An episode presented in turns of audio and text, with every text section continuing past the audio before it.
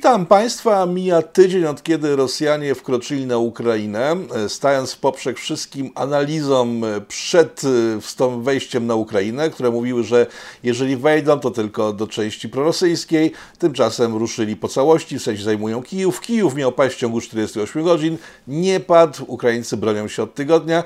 Informacje dochodzące z frontu są sprzeczne. Ukraińcy sprawiają wrażenie wygrywających całą wojnę. Rosjanie tymczasem pokazują mapy, że nie tylko Rosjanie, tylko analitycy zagraniczni spoza Rosji pokazują mapy, na których Rosjanie posuwają się faktycznie do przodu. Faktem jest, że wciąż nie zajęli Kijowa i sytuacja wygląda na patową. E, jak wygląda w rzeczywistości okiem specjalisty? E, spytamy dzisiaj doktora Wojciecha Szewko, którego serdecznie witam. Panie Wojciechu, e, co się dzieje na Ukrainie? Wojna, tak, jest, to po pierwsze, ale po drugie, rzeczywiście Rosjanie nie zrealizowali sobie swoich celów strategicznych i w coraz większym stopniu można się skłaniać ku podstawowej jednej tezie. Rosjanie zakładali, że będzie to rodzaj nie tyle wojny prawdziwej, co będzie to rodzaj przejażdżki, przynajmniej na wschodniej Ukrainie. Że będzie dokładnie tak jak w 2014 roku na Krymie, czy tak jak w 2014 roku w Donbasie. Że wystarczy tylko, że pojawi się armia wyzwoleńcza i ten naród wyzwolony wyjdzie na ulicę, obali faszystów i przyłączy się radośnie do tych, którzy wjeżdżają. Zresztą takie, prawdę powiedziawszy, analizy pojawiały się również na Zachodzie, ponieważ wskazywano, że 50, 60, czasem nawet więcej procent ludności na wschodniej Ukrainie w niektórych miejscowościach to są etniczni Rosjanie, czy Rosjanie z Rosji, oni się przyznają do rosyjskości, e, się z tą Rosją zawsze mówili, że się czują związani, często nie mówiący po ukraińsku, i tak dalej. W związku z tym prawdopodobnie na podstawie tego typu, tego typu założeń Rosjanie wypuszczali sobie te całe kolumny wojska, które nie zajmowały miejscowości, tylko sobie na dość dużym pędzie przejeżdżały przez kolejne wiadome miejscowości, więc ta mapa się zmieniała bardzo szybko. Po drugie, zaatakowano przede wszystkim centra łączności, centra dowodzenia, lotnictwo, centra obrony powietrznej, czyli stacje radarowe, zakładając, że nawet jeżeli Ukraina, ta zachodnia, będzie próbować kontratakować, to trzeba po prostu zniszczyć możliwości tego faszystowskiego rządu w Kijowie do kontrnatarcia czy do przeciwdziałania temu naturalnemu ludowemu powstaniu. I prawdę powiedziawszy, to jest chyba jedyne dostępne racjonalnie wytłumaczenie tego, dlaczego to, co wjechało to w zasadzie e, coś, co wymknęło się spod pieczątki konserwatorowi zabytków, jeśli chodzi o tą technikę wojskową. Dlaczego ta taktyka to jest taktyka całkowicie niewojenna, czyli bez zwiadu, po prostu rajdy autostradami, kolumny wojska, które niczego nie sprawdzają, niczego nie zdobywają, e, prawdopodobnie nastawione na jakiś minimalny opór e, z broni myśliwskiej bardziej niż strzeleckiej. No to, to to jeżeli nie, no to w tym momencie oczywiście jest drugie wyjaśnienie, że to jest albo spisek generałów, albo tak skrajna niekompetencja, że żaden ośrodek analityczny zachodni nie potrafi w to uwierzyć. Więc ten pierwszy mi się wydaje bardziej e, prawdopodobny, tym bardziej, że pasuje również do tej całej retoryki rosyjskiej mm, e, i po prostu Rosja uwierzyła chyba we własną propagandę. I to jest chyba ten jej zasadniczy błąd. No ale to się już stało. I teraz mamy sytuację taką, że właśnie te te rosyjskie czy prorosyjskie miejscowości z założenia, one stawiają najbardziej zaciekły opór. Tam e, żadna praktycznie miejscowość, pomimo tego, że większość tych mieszkańców e, to są etniczni Rosjanie, no nie poddaje się. Co więcej, w drugą stronę, Rosjanie, którzy do tej pory starali się atakować cele głównie wojskowe, czyli walczyć z armią ukraińską, która im stała gdzieś tam na drodze, w tej chwili rozpoczęli regularne oblężenie dużych miast, bo to są i Sumy, i Charków, i wiele miasteczek dookoła. I te miejscowości są już atakowane nie tyle jakieś węzły łączności czy koszary wojska, tylko po prostu w miejscowość strzela się z artylerii rakietowej niekierowanej, giną cywile, czyli całkowicie posypało się to założenie polityczne rosyjskie. No bo jeżeli Rosjanie chcieli sobie po prostu dokonać przewrotu i i zrobić dokładnie to, co na Krymie, czyli no ludność, ludność po obaleniu banderowców miała e, wybrać sobie nowe władze, ewentualnie Rosjanie by te władze im wskazali. I siły do okupowania, czy tam do pomocy tym nowym władzom miałyby być siłami minimalnymi. No to w konsekwencji w tej chwili mamy taką sytuację, że nawet jeżeli Rosjanie zajmą Charków, zajmą Sumy, dojdą do Kijowa, nawet jeżeli zajmą ten Kijów, to będą musieli pozostawiać na terytorium Ukrainy jakąś gigantyczną armię okupacyjną, która będzie narażona zarówno na protesty mieszkańców, takie jak teraz już widzimy w tych miejscowościach zajętych, ale na totalną wojnę partyzancką. Czyli ten pierwszy, pierwsze założenia są absolutnie nietrafione. Co więcej, mm, e, trudno jest sobie wyobrazić, w jaki sposób będą próbowali nawet wybrać prorosyjskie władze w sytuacji, w której e, to Rosjanie przecież etniczni walczą przeciwko armii rosyjskiej i oni nie chcą tej armii rosyjskiej tutaj. Czyli wszystkie te założenia polityczne wojny się posypały. Czyli nawet jeżeli ta armia ukraińska w pewnym momencie padnie pod wpływem kolejnych fal tej techniki wojskowej, i w porównaniu do Ukrainy jednak gigantycznej armii i jeszcze możliwej większej przecież do zrekrutowania w Rosji i to się po prostu może zdarzyć, to tak czy inaczej nie ma tak, takiego scenariusza w tej, w tej chwili, który by pozwalał na efektywną okupację przez Rosję Ukrainy. Czy będą mieli autentycznie drugi Afganistan, jeśli nawet nie gorzej. No i to jest i jeszcze jeden element, który nie był brany pod uwagę, bo ja chciałem porównać to, co myślano, a to, co się wydarzyło. Otóż wszyscy analitycy, zarówno rosyjscy, jak i analitycy zachodni, e, patrząc się na realia e, przedwojenne, e, zakładali, że Ukraina będzie walczyć sama, że otrzymała tyle, ile otrzymała tych javelinów, które tam im starczą na pierwsze 15 sekund konfliktu. I po tym zniszczeniu tych 100, 200 czy 300 wozów, kiedy ta amunicja się skończy, tak naprawdę Ukraina będzie już bezbronna, no bez możliwości importu, nikt jej nie będzie pomagał, Rosjanie będą robili co chcą. No w tej chwili ta pomoc dla Ukrainy, która codziennie idzie i ta, która została ogłoszona, przecież jak się domyślamy, wielokrotnie więcej pewnie nie zostało ogłoszone, oznacza, że Ukraina ma cały czas nieustanny dopływ broni nowoczesnej i jestem przekonany, że ilość, która teraz była dostarczona, już przewyższa to, co Ukraina miała w momencie konfliktu. A w związku z tym wszystkie plany dotyczące ile Ukraina może wytrwać, ile ma amunicji, ile ma rakiet przeciwpancernych, ile ma czołgów, ile ma tych dronów TB2. One już wszystkie są e, absolutnie nieaktualne. Po pierwsze, my nie wiemy, ile Ukraina ma tych dronów. Po drugie, Rosjanie twierdzą, że zestrzelono im 53 drony. No to jest wielokrotnie więcej niż E, suma tego, co mieli przed wojną i tego, co mówiono, że im dostarczono. Czyli te drony cały czas do nich napływają. Chyba, że Rosjanie liczą jakieś drony zwiadowcze albo jakieś hobbystyczne, ale nie sądzę, żeby podawali w oficjalnych statystykach. I ta ilość wcale nie musi być przesadzona, no ale to też pokazuje, że jest wielokrotnie więcej niż w ogóle brano pod uwagę kiedykolwiek. Czyli my w tej chwili nie możemy w poważny sposób powiedzieć, czym Ukraina dysponuje i ile jeszcze będzie w, stała, w stanie walczyć.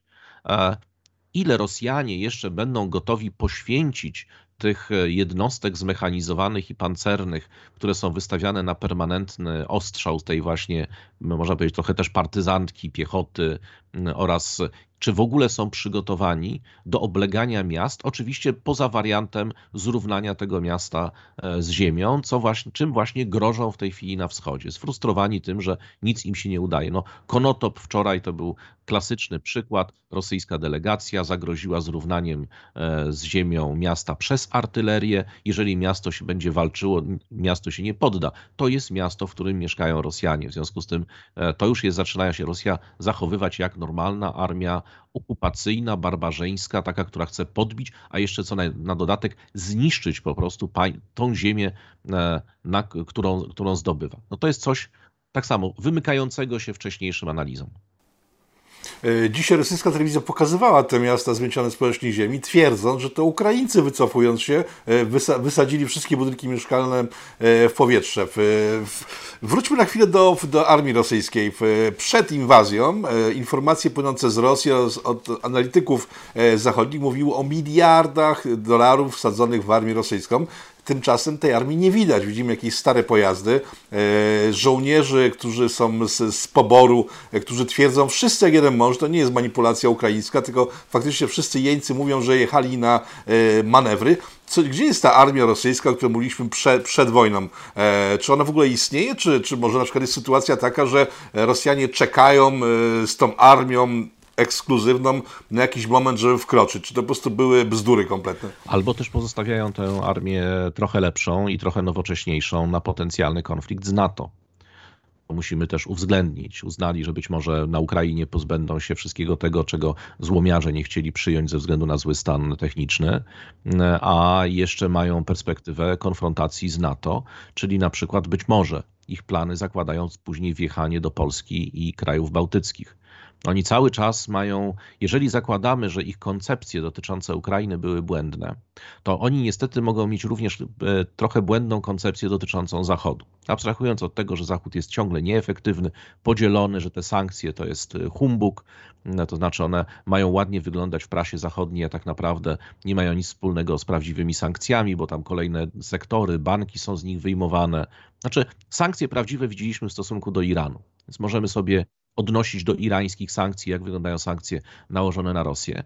No ale jeżeli te założenia były rosyjskie nie do końca e, sprawdzone, że Zachód się podzieli, że Zachód nie będzie pomagał Ukrainie, że Zachód nie jest w stanie się zorganizować w ogóle, jakoś tam jednak jest w stanie, to być może Rosjanie również zakładają, że jeżeli najadą na Polskę i kraje bałtyckie, to NATO się krótko mówiąc nie ruszy, tak, że NATO ograniczy się do tego samego. No, no wtedy to już może Zbierbank będą, wezmą na ten, e, na, odłączą od SWIFT, ale od SEPy już nie, no, no, może jeszcze Gazprom, nie Gazprom Banku już nie wezmą, to Gazprom Bank dopiero po zajęciu wschodniego Berlina może odłączą. Więc, więc jakby to jest, to może sugerować, że te siły, które oglądaliśmy sobie na obrazkach propagandowych, no zakładamy, że to nie są jednak makiety, że one są pozostawione na, na walkę z dużo bardziej nowoczesnym przeciwnikiem. No dobrze, ale każdego dnia Rosjanie tracą nie tylko impet, chociaż cały czas się poruszają w, do przodu, to, to trzeba im przyznać, powoli, ale jednak. E, ale na Kremlu wygląda, że doszło do jakiejś paniki. Putin e, szafujący brzydkimi wyrazami, e, Putin siedzący z daleka od najbliższych współpracowników swoich, z którymi jeszcze parę miesięcy temu siedział bardzo blisko. Putin, który widać, że ma kamizelkę kuloodporną pod, pod swoim garniturem. Co się dzieje na Kremlu w takim razie? Nie, nie, wiemy do końca, co się dzieje na Kremlu, no ale można założyć, że tego typu brak sukcesu w wojnie ewidentny i przegrywanie również tej wojny informacyjnej, bo pamiętajmy, że Rosja w tej chwili podjęła całą ofensywę likwidującą wszelkie opozycyjne kanały, które mogłyby dotrzeć do Rosjan. Nie tylko te zagraniczne, bo to naturalnie, że będą blokować w ramach retorsji, natomiast również rosyjskie które jednak przekazywały obiektywną informację.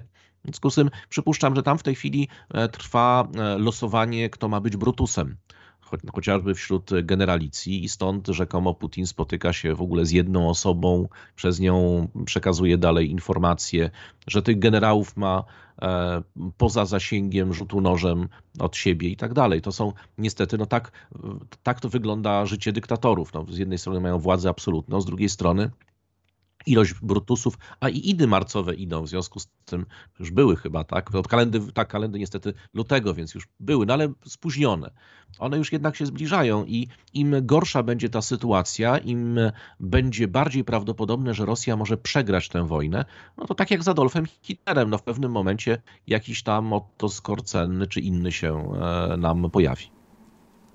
No bo to widzimy już w tej chwili, tak? Oglądam rosyjską telewizję codziennie, mimo blokady. Eee, od dwóch dni Putina nie ma. Jeszcze trzy dni temu pokazywane jakieś, e, jakieś spotkanie z, z, z fabryki budowanej, też nie wiadomo kiedy nagrywane, ale od dwóch dni Putin w tamtych mediach nie istnieje, w normalnych mediach rządowych rosyjskich. Są tak, jakieś przebitki. Tylko, tak.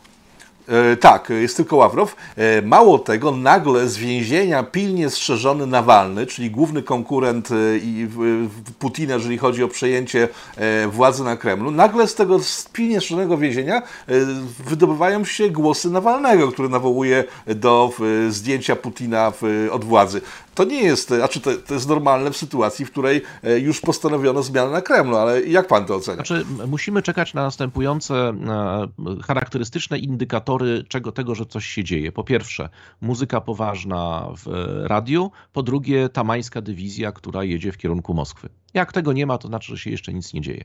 Ale rzeczywiście, tak, może coś takiego mieć miejsce może mieć miejsce rzeczywiście podejrzenie przynajmniej ze strony e, Kremla, a być może już jakieś czynne działania. No, do, nie dowiemy się tego, możemy tylko i wyłącznie domniemywać. Ja też nie ma się co karmić nadzieją, że tam nagle wszyscy przeciwko temu Putinowi wystąpią, ale trzeba pamiętać, że też on ma w swoim otoczeniu wrogów, ma w swoim otoczeniu ludzi ambitnych, takich, którzy stwierdzają, że bardzo fajnie wyglądaliby na fotelu prezydenta, takich, którzy są gotowi dogadać się z Zachodem, którzy uważają, głównie generalicja przecież, że, bo ci mają realną władzę, że jednak e, ucierpi naród rosyjski na szaleństwie Putina i że to jest wszystko jakby przeszarżowane, że nie ma sensu tracić połowy armii po to, żeby zająć e, terytorium, którego i tak nie będą w stanie kontrolować. I oni też zdają sobie sprawę, że oczywiście te sankcje w krótkim okresie czasu, to one Rosjanom nic nie zrobią, ale w długim okresie czasu okaże się, że te czołgi, znaczy, że państwo rosyjskie, gospodarka rosyjska jest bardzo uzależniona od eksportu, to po pierwsze, a po drugie również nie będzie w stanie ta armia się dalej finansować, jeżeli zostanie tak bardzo uderzona ekonomicznie. Znaczy, priorytetem będzie wtedy zapobieganie e, niezadowoleniom społecznym, a nie budowa nowych zabawek dla generałów. W związku z tym oni też zdają sobie sprawę z tego, że e, ten okres przed tą inwazją na Ukrainę, no to był okres na pewno e, złotych czasów dla generałów. No bo generałowie się zbroili na wojnę, która nigdy nie miała nie miała wybuchnąć. Szły gigantyczne pieniądze, miliardy dolarów na tą armię, no ale w tej chwili że tak powiem, rynek spowodował, e, wezwał do sprawdzenia. No i sprawdzono i okazuje się, że te miliardy być może właśnie nie do końca trafiły do armii, że ta armia jest niesprawna. W związku z tym to też podważa kompetencje generałów, ich e, kompetencje jako planistów. To, że właśnie te rozpaczliwe ruchy na, e, trochę na froncie, żeby ten front przełamać za wszelką cenę, pokazują, że no, za chwileczkę potoczą się głowy, no bo ktoś będzie musiał być odpowiedzialny. Może się okazać, że Gerasimow jest zdrajcą, może się okazać, że Szojgu jest zdrajcą, a oni dochod, a oni nie chcą być sąsiadami Nawalnego w tym samym obozie pracy, tam gdzieś, gdzie on siedzi. W związku z tym mogą stwierdzić, no to, to może faktycznie czas na zmiany.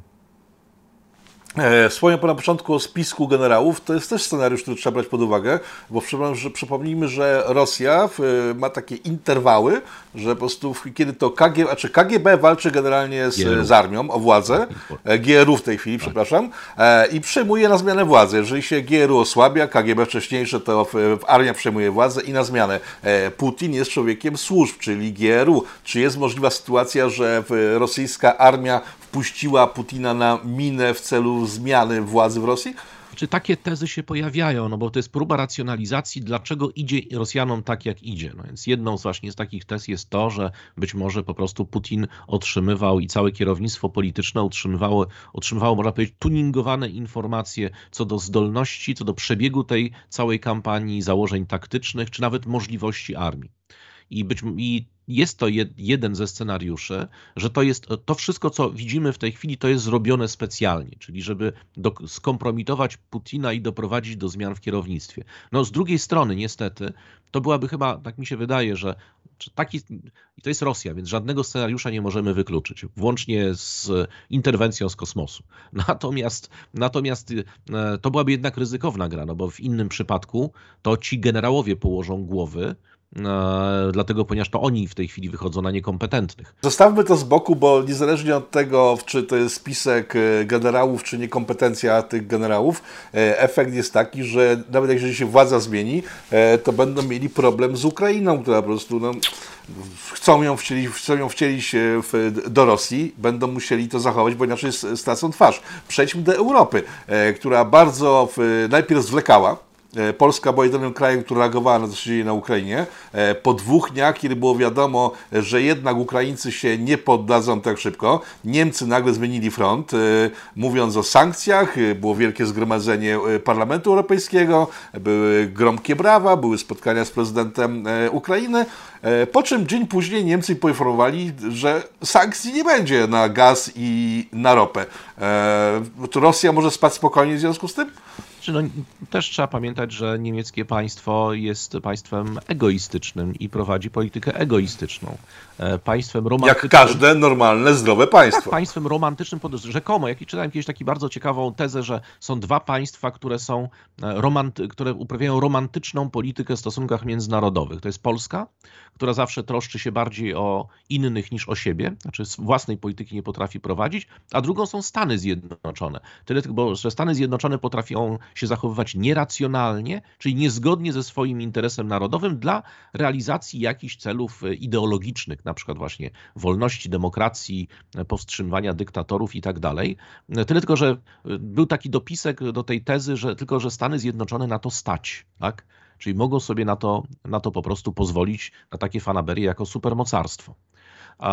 I natomiast Niemcy prowadzą z całą pewnością politykę pragmatyczną i cokolwiek byśmy nie powiedzieli o tej naiwności rzeczywistej bądź wyimaginowanej Niemców w tej konkretnej kwestii, czyli w kwestii rosyjskiej, no to oni po prostu cały czas chcą realizować interes niemiecki. W interesie Niemiec jest tani gaz idący do Niemiec, tania ropa naftowa, bo dzięki temu ich produkty są dużo bardziej konkurencyjne, ich obywatele mogą sobie spokojnie swoje Maybachy za niewielkie pieniądze tankować na stacjach benzynowych i dla nich to jest priorytetem, a nie jakaś Ukraina, Polska czy Burkina Faso. I to jest y, podstawowy, podstawowa rzecz, że Niemcy próbują realizować za wszelką cenę swoją własną politykę, którą możemy nazwać polityką egoistyczną, czy egoizmu narodowego.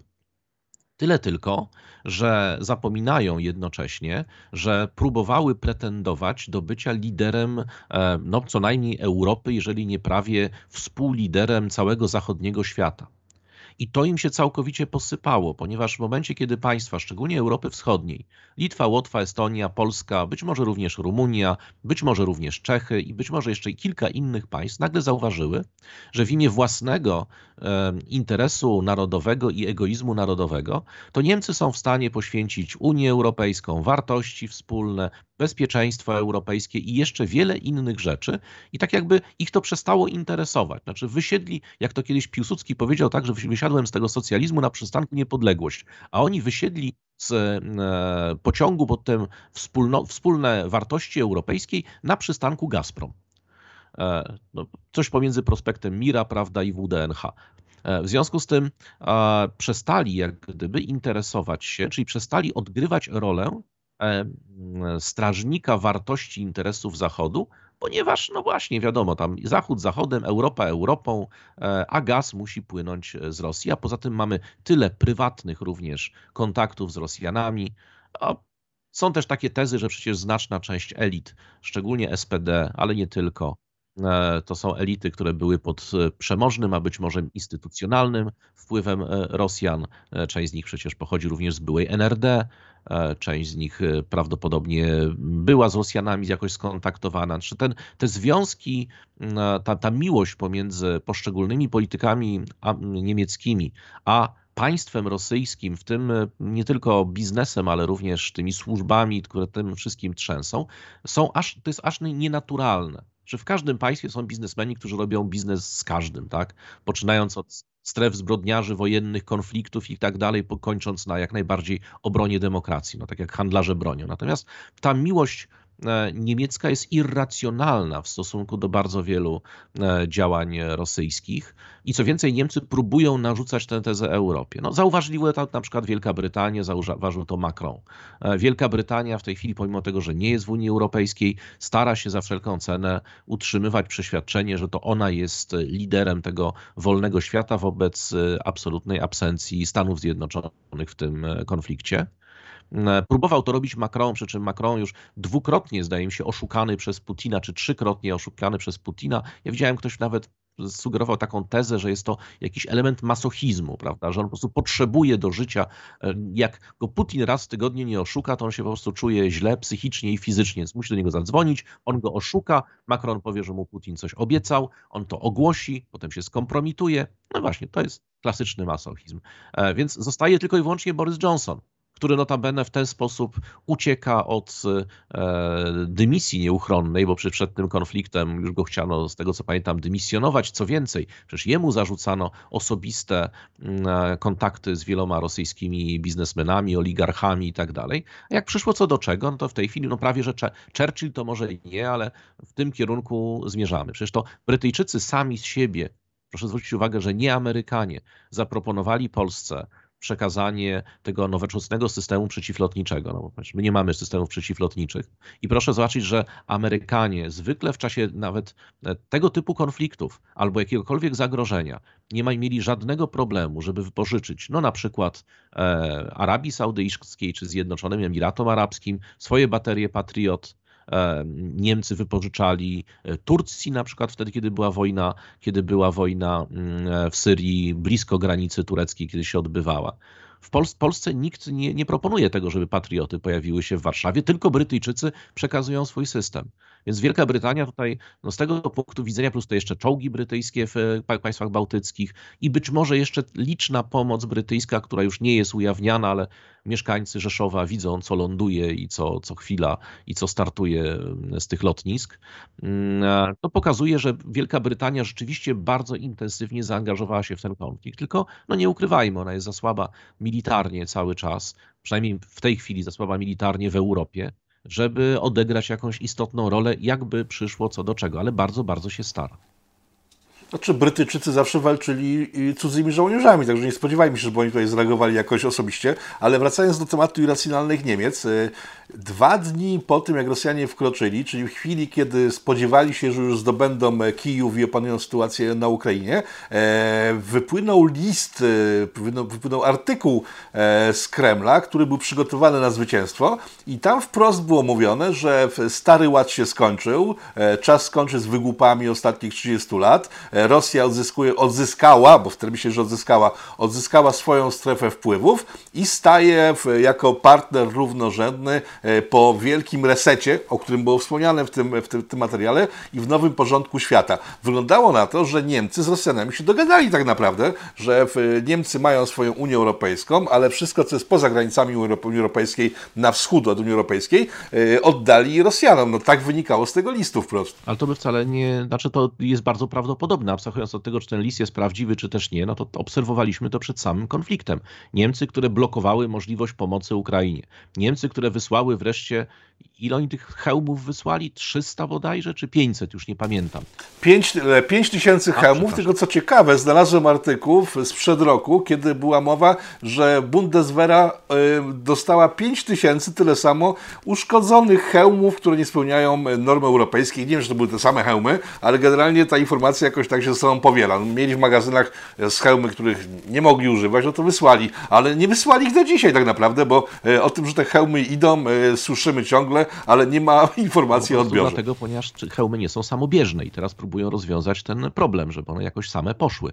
Natomiast e, również mieliśmy wypowiedź bodajże ministra obrony Ukrainy, mogę tutaj przeinaczyć, bo nie pamiętam, czy to był minister obrony, czy wiceminister spraw zagranicznych, bo ponieważ jeden z nich e, cytował wtedy, właśnie komentował rozmowy z panią minister obrony Niemiec i to było prawie, że w przeddzień inwazji, jeden, dwa dni wcześniej, kiedy kiedy y, cytowano, że pani minister obrony powiedziała, że my wam nie żadnej broni nie, nie damy, bo wy i tak już przegraliście, czy, czy, czy w ciągu dni, kilku dni upadniecie.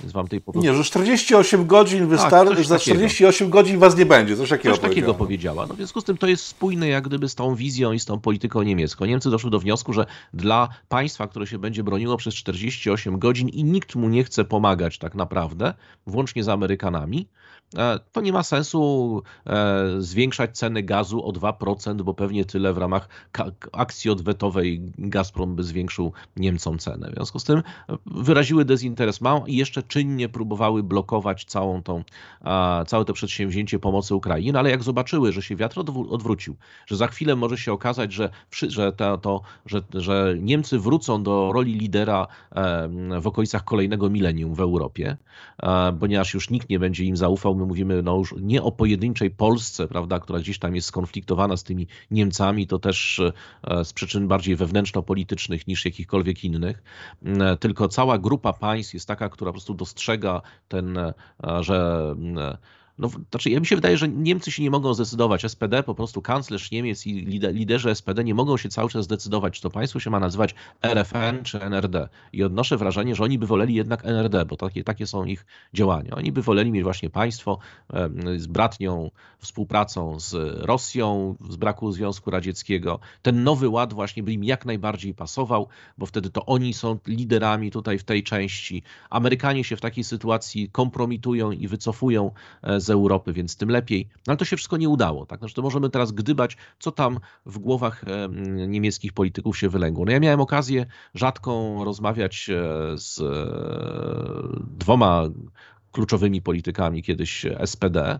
Mm, I prawdę powiedziawszy, mm, poziom naiwności politycznej z całą pewnością przekraczał polskie normy. To znaczy, być może polska polityka jest bardziej brutalna i kształtuje trochę inne charaktery, szczególnie liderów e, partii. Być może tam po prostu w tym świecie dobrobytu wszystko nie wymaga się jak gdyby specjalnie intelektualnej sprawności, sprytu i, i jakby pewnej podejrzliwości naturalnej dla, dla, dla polityka.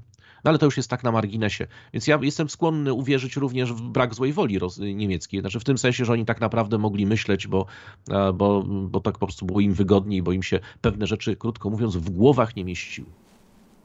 Mhm, rozumiem. E, wróćmy do Polski na chwilę, bo dwa dni temu miała sytuacja miejsce, która no, w moim przekonaniu była dla, bardzo dla Polski niebezpieczna. E, zacznijmy od początku. E, we wtorek rano w, w Ukraińcy, w sensie w, rząd ukraiński, na oficjalnym profilu na Twitterze, e, po, dokładnie Ministerstwo Wojny, MON tamtejszy, poinformował, że Polacy udostępnią swoje lotniska w e, ukraińskim e, pilotom myśliwców do, do ataków na wojska rosyjskie. E, godzinę później, o godzinie 7 rano, ta informacja została umieszczona na serwerach TVP Info, czyli rządowej stacji polskiej, de facto potwierdzając to, co pisali Ukraińcy. Rozwijając to, do, do, do, dokładnie tak, wrę, wrę, wręcz to rozwijając. E, następny, czy to, czy to, nie wiem teraz jak to w ogóle ugryźć tak naprawdę, czy przejść od razu do, do finału, czy, czy od razu spytać, e, czy to nie było czasem przyzwoite powiedzenie wojny przez Rosjan. Bo informacje te wisiały przez dobre pół dnia, bo dopiero w południe zostały zdementowane po spotkaniu prezydenta Dudy e, z oficjalami e, natowskimi. Jak pan ocenia tę sytuację? Bo moim zdaniem była, był to moment, w którym Rosjanie mogli spokojnie zrzucić na nas bomby. Znaczy, zdecydowanie, jeżeli chodzi o konkluzję, to ja się zgadzam. Co prawda to była dopiero zapowiedź, no ale gdyby. Ja jeszcze obserwowałem to jeszcze dzień wcześniej, ponieważ pierwszy raz te informacje pojawiły się jeszcze w nocy, gdzie niektórzy posłowie, politycy ukraińscy zaczęli właśnie pisać o tym bazowaniu w Polsce. I wtedy pamiętam, że napisałem, że, no, to jest, że to jest raczej wytwór fantazji, bo gdyby to się potwierdziło, no to jest to największy prezent dla Rosji, jaki można byłoby tylko dać, ponieważ on dałby Rosjanom pretekst, ponieważ musimy pamiętać, zgodnie z prawem międzynarodowym, jeżeli jakaś, jakieś państwo udostępnia swoje terytorium stronie walczącej, to staje się stroną walczącą. Nie ma innej możliwości. Jest to zgodne z, po prostu z podręcznikami wręcz prawa międzynarodowego. Zgromadzenie Ogólne Narodów Zjednoczonych jeszcze dodatkowo stworzyło taki katalog opisu tego, kto jest agresorem, prawda? I więc agresorem nie trzeba być, tak jak Białoruś w tej chwili. Białoruś jest agresorem dlaczego? Bo z jej terytorium wystrzelono rakiety, więc gdyby te samoloty bazowały rzeczywiście na lotniskach polskich, a jeszcze dodatkowo to, co napisało TVP Info, czego nie było w tej oryginalnej informacji. To już jakiś swobodny chyba e, strumień świadomości jakiegoś redaktora, że one będą atakowały cele rosyjskie, bazując na tych polskich lotniskach. No to w naturalny sposób takie lotniska stają się e, celem odwetu. I co więcej, tutaj nikt nie miałby w cudzysłowie do Rosji pretensji. Znaczy, to jest charakterystyczne w, każdym, w każdej sytuacji przy dowolnym konflikcie, jak najbardziej jest to uzasadnione. Co więcej, Karta Narodów Zjednoczonych daje wtedy prawo państwu do samoobrony, bo ono uznaje, że Polska w tym momencie zaatakowała jego wojska. To, że prowadzi nielegalną inwazję, popełnia zbrodnie wojenne, to nie ma nic wspólnego z tym, że mogłaby zaatakować Polskę i faktycznie, i formalnie. W związku z tym, to taka decyzja wymaga przynajmniej decyzji NATO. I teraz zawsze powstaje pytanie, to, że Ukraińcy co chwila wypuszczają różnego rodzaju entuzjastyczne informacje, ponieważ prowadzą propagandę wojenną i tam w tej ferworze tej propagandy wojennej mało kto myśli o konsekwencjach, dlatego ponieważ no, toczą wojnę, tak, walczą o wszystko. Wypuszczają również swoje własne fake newsy, a nawet jeśli nie fake newsy, no to ujawniają dużo więcej niż powinno się gdziekolwiek ujawniać. Natomiast no, potwierdzenie tego przez rządową polską telewizję, co sugeruje potwierdzenie przez polski rząd. Tutaj nikt subtelności, nikt, znaczy tłumaczenie się, że to jakaś głupota e, e, redaktora, nie wiem kto tam tym TVP Info portalami kieruje, ale to raczej nie będzie, e, nie, nie byłaby wytłumaczeniem w sytuacji, gdyby Rosja na przykład zbombardowała nam lotnisko w Rzeszowie, czy skąd by tam, gdzie tam te samoloty miały, czy w Mielcu, nie wiem gdzie one miały bazować, czy gdzie one bazują, no to nie byłoby żadnym wytłumaczeniem, również przed sądem międzynarodowym. Znaczy, oczywiście w takiej sytuacji w normalnym państwie to byłoby bardzo dużo wakatów, a kilku dziennikarzy, a na pewno odpowiedzialnych za to, pewnie mm, miałoby problem ze znalezieniem pracy w zawodzie kiedykolwiek. No ale to jest Polska, więc pewnie dostaną za to medale. W każdym bądź razie jest to z całą pewnością mm, sytuacja wyjątkowo niebezpieczna i takie rzeczy powinny być dementowane natychmiast. Natychmiast, bo, ponieważ, ponieważ to nie jest, znaczy to, to nie są żarty, tak? Znaczy to nie, jest, nie są żarty, że można sobie, tak jak w polskiej wewnętrznej polityce, że można sobie e, wrzucić fake newsa, a potem e, kazać telewizji polskiej, żeby, żeby uzasadniała i atakowała tych, którzy to ujawniają, czy to jest fake i tak dalej. To jest sytuacja taka, w której Rosjanie naprawdę chętnie wezmą wszystko, co im damy, a to jest rzeczywiście e, wyjątkowy prezent, tym bardziej, że on nie zwraca się uwagi jeszcze na jedną konsekwencję. Jeżeli ta informacja rzeczywiście miała jakąś podstawę, że ktoś tam pośród władz polskich taką informację do, do tej rządowej polskiej telewizji przekazał, to wtedy to podrywa całkowicie naszą wiarygodność w NATO. No bo NATO się zaczyna zastanawiać, no kogo my żeśmy przyjęli. No wariatów, którzy bez konsultacji z nami próbują nas wszystkich wciągnąć w wojnę, bo wtedy wojna jest nieunikniona i to nie z Polską, tylko z NATO. Na artykuł 5 jest wtedy nieubłagany. Tym bardziej, że ten atak jeszcze następuje na terytorium NATO, na terytorium e, e, traktatowym NATO, nie gdzieś na drugim końcu świata. Więc tutaj tych e, elementów niebezpiecznych było bardzo, bardzo, bardzo dużo. Oczywiście pojawiają się też takie właśnie różnego rodzaju newsy, tam w Fox News, prawda, był jakiś taki mm, materiał, gdzie jakiś generał amerykański emerytowany, nie wiadomo czy do końca poczytalny, czy nie, bo to nie wiemy co, dlaczego, on tam mówił, że tak, że to prawda, wszystko, nieważne. Mleko się rozlało. Oczywiście później było dementowanie, że nic nie przekazujemy, że ba, jeszcze brakowało, że w tej panicznym zaprzeczaniu brakowało mi jeszcze informacji, że może zabierzemy jeszcze Ukrainie kilka, na wszelki wypadek, prawda, żeby już zupełnie pokazać, że my z tym nic nie mamy wspólnego. Nawet jeżeli mieliśmy. Ja bym chciał, panie doktorze, ja bym chciał przypomnieć, jak, a propos propagandy wojennej, minister Szojgu miał takie swoje słynne wystąpienie, kiedy zapytano się go o zielone ludziki. I on wtedy o tych zielonych ludzikach, ponieważ te zielone ludziki, czyli tak zwane wierzliwe ludzi, oni mają takiego żołnierza i obok niego stoi taki czarny kotek. I ten czarny kotek, z tym logo tych rosyjskich zielonych ludzików, wziął się stąd, ponieważ Szojgu został zapytany wtedy o bardzo podobną rzecz. Zapytano się go, czy są, żeby potwierdził, czy są rosyjscy żołnierze na Krymie, no bo wtedy chodziło o te zielone ludziki, że one przecież nie występowały pod żadnym szyldem. A on powiedział tak, jeżeli ktoś szuka rosyjskich żołnierzy na Krymie, to tak jakby szukał czarnego kota w pokoju, gdzie nie ma światła. Na pewno go nie mhm. zauważy, choć tam jest. Mhm. No, A więc... czy efekt jest taki, że, po, że pomysł przekazania samolotu w Ukrainie upadł natychmiast po całej tej sytuacji? Nie wiemy. I teraz mamy dwa, no tak, tak w tej chwili to wygląda, przynajmniej został wyciszony. E, tylko, że ona ma dwie możliwości wytłumaczenia. O, obu Pan wspomniał, ale trochę, trochę nie e, precyzując. E, pierwszy to Ukraińcy, którzy wypuszczają faktycznie różne informacje. Na przykład wypuścili chyba drugiego dnia informację o tym, że Turcja zobowiązała się zamknąć Bosfor i Dardanelle, czego Turcy przez dwa dni nie potwierdzali. Tu też mogło być wymuszenie na Polsce pewnych zachowań, które by wciągnęły nas do wojny, co Ukraińcom jest bardzo potrzebne, bo oni sami tej wojny raczej nie, nie wygrają. Tak Z drugiej strony ten generał były emerytowany amerykański, który zresztą od razu mówię, często występuje w Russia Today, znany z prorosyjskiego nastawienia, no jego narracja raczej się skleja z tym, co się wydarzyło, bo ta informacja w TVP Info wisiała do momentu zakończenia spotkania Andrzeja Dudy e, z przedstawicielami Zachodu. I ona wtedy nagle zniknęła i ten człowiek de facto mówi dlaczego, bo z tego z tej wypowiedzi wynika, że Amerykanie przerażeni tym, co robią Polacy, przylecieli specjalnie do Polski. No więc pytanie teraz tak, y, jaką rolę tutaj odgrywa Polska e, i do czego zmierzają nasi politycy, bo wygląda to bardzo niebezpiecznie dla nas jako obywateli. Panie redaktorze, no, z drugiej strony obserwujemy polską scenę polityczną i my wiemy, do czego potrafią być zdolni nasi politycy i że nie zawsze ich działania są, jakby to delikatnie mówiąc, racjonalne, przemyślane. Tyle tylko, że w przeciwieństwie do wewnętrznej polityki nie wystarczy kontrolować media, prawda, czy kogoś postraszyć, czy napuścić na niego, czy tam go podpegasusować w polityce międzynarodowej, ponieważ inne strony też mają swoje i Pegazusy, i swoje media, i możliwości straszenia. To po pierwsze.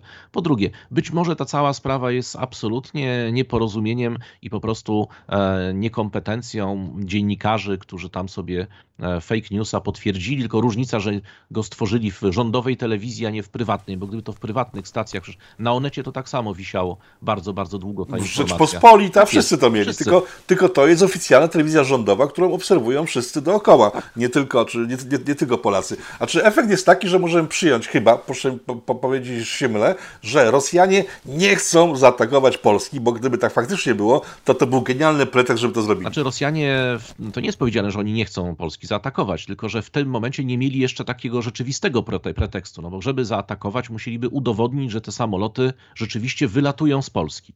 No to się to pewnie da udowodnić, mają włączone te swoje e, super radary gdzieś wojenne, więc pewnie by takie no MIGA-29, przecież jest to już jednak samolot leciwy, prawdopodobnie by zauważyli, a jeszcze lepiej gdyby go zestrzelili gdzieś, a to jest wysoce prawdopodobne i pokazali, że on jest z Polski. No, są sposoby na, na, na, udowodnienie tego, no ale to na pewno się nie stanie tego samego dnia. Natomiast była to na pewno sytuacja niebezpieczna e, i to, jeżeli nawet jest to wszystko od początku do końca, nie ma żadnych podstaw poza tym właśnie entuzjazmem Ukraińców i później pewną naiwnością dalej, to pokazało na pewno jedną rzecz, że rząd nie dysponuje w tej chwili mm, komórką odpowiedzialną, nazwijmy to, za propagandę wojenną, ponieważ takie informacje muszą być, zresztą obserwujemy to w wielu konfliktach, no nawet na Ukrainie. Na Ukrainie, jeżeli pojawia się jakiś fake news, to jednak tamte służby e, Ministerstwa Obrony jednak dementują taki fake news bardzo, bardzo szybko.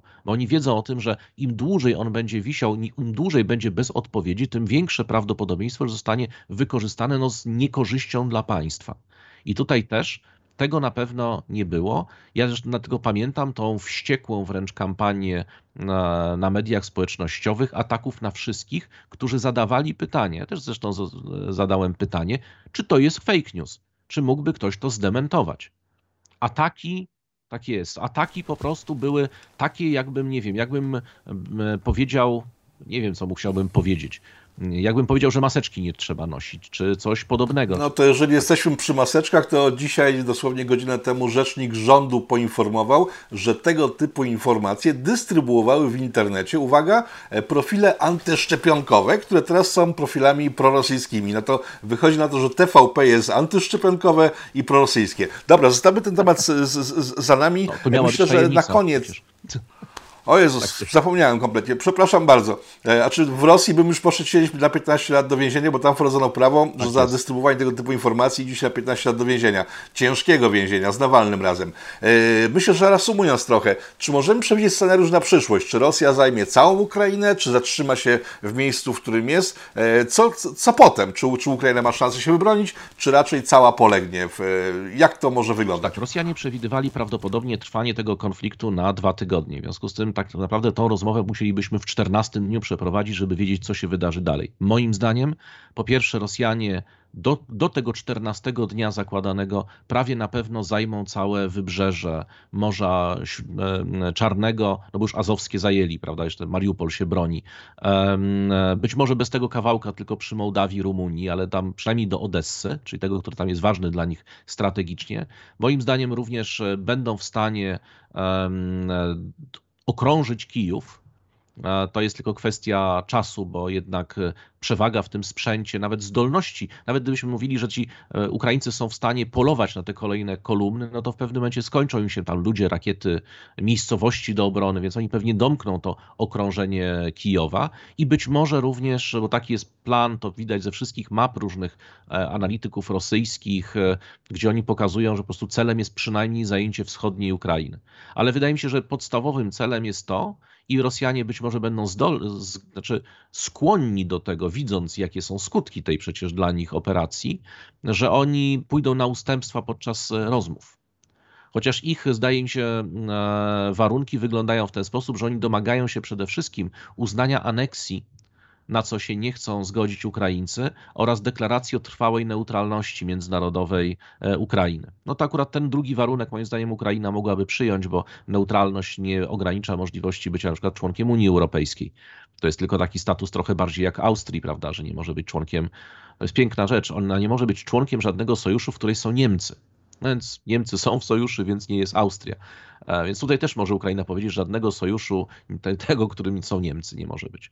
Więc jakby to, to, to, to Ukrainie nie szkodzi. Natomiast no, zgoda na aneksję oznacza po pierwsze, że mogą być kolejne roszczenia dotyczące aneksji, po drugie, mm, że to tak naprawdę może oznaczać, że ta aneksja może dotyczyć nie tylko Krymu, ale również tego całego wybrzeża Morza Azowskiego, czyli Morze Azowskie jako, jako jezioro wewnętrzne i być może, nie wiem, pozostawienie Odessy jako jedynego portu Ukrainie, o ile będą Rosjanie chcieli, więc to ponownie jest no, nie do przyjęcia. To jest wtedy Ukraina nie ma własnych portów, to jest, jest okaleczonym państwem, jeśli chodzi o, o mm, rozwój gospodarczy. Więc, no ale Rosjanie mogą właśnie pójść tutaj na jakieś ustępstwa, im, bardziej, im dłużej ten opór będzie trwał, czy im bardziej kosztowne politycznie, gospodarczo, społecznie, wojskowo będą, e, będzie dla niej ta wojna. Prawdę powiedziawszy, jeżeli ta wojna przekroczy ten 14 dzień, jeżeli się okaże, że ta wojna jeszcze może potrwać kolejne 2-3 tygodnie co najmniej, to im bliżej będzie tego deadline'u, tym Rosjanie będą bardziej skłonni do rozmów. Niespe, niespecjalnie wierzę w to, żeby Ukraińcy byli zdolni do takiego kontrataku, e, znaczy być może kontratak przeprowadzą, tylko po prostu pozbędą się armii przy okazji tego kontrataku. Do takiego kontrataku, żeby na przykład zdjąć oblężenie Charkowa, czy zdjąć oblężenie Kijowa. To jest tylko kwestia tego, ile się będą bronić. Mhm. Czy coś jeszcze możemy dodać po tym tygodniu, czy raczej wyczerpaliśmy większość zagadnień. Znaczy jedno zagadnienie, którego nie poruszaliśmy, ale ono jest pewnie na osobną dyskusję i być może też nie ze mną, ale od specjalistą od polityki amerykańskiej, e, co się dzieje ze Stanami Zjednoczonymi. To jest, przypomnijmy, The Hill, prawda, czyli taka e, gazeta, która pisze o tym, co się dzieje e, w kongresie, w rządzie amerykańskim, znana od zawsze, no, dosyć obiektywna.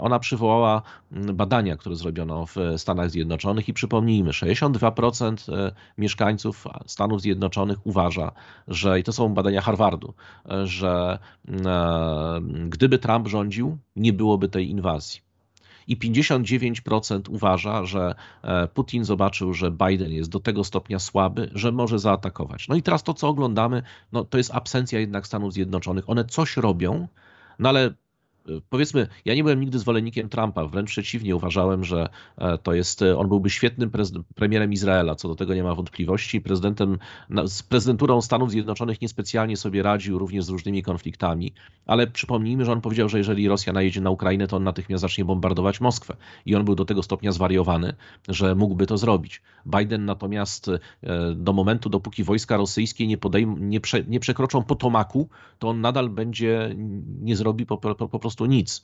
E, no i właśnie obserwujemy, że tak naprawdę nie robi nic albo robi niewiele w stosunku do tego, e, ile, ile zrobić by mógł. I dlatego Putin sobie pozwala na tak wiele. No mowa na razie jest tylko o tym, że Amerykanie dostarczają informacji Ukrainie, poza tym faktycznie nie za bardzo biorą w tym udział, aczkolwiek istnieje też teoria mówiąca o tym, że Amerykanie wywołali ten konflikt po to, żeby odciąć Niemcy od gazu rosyjskiego, żeby Niemcy z tego gazu zrezygnowali i brali go od strony amerykańskiej, no ale to jest faktycznie temat na osobny program. Eee, państwa moim gościem był dr Wojciech Szewko, bardzo Panu dziękuję. Dziękuję bardzo za zaproszenie. I do zobaczenia wkrótce. Zawsze z przyjemnością. Do zobaczenia.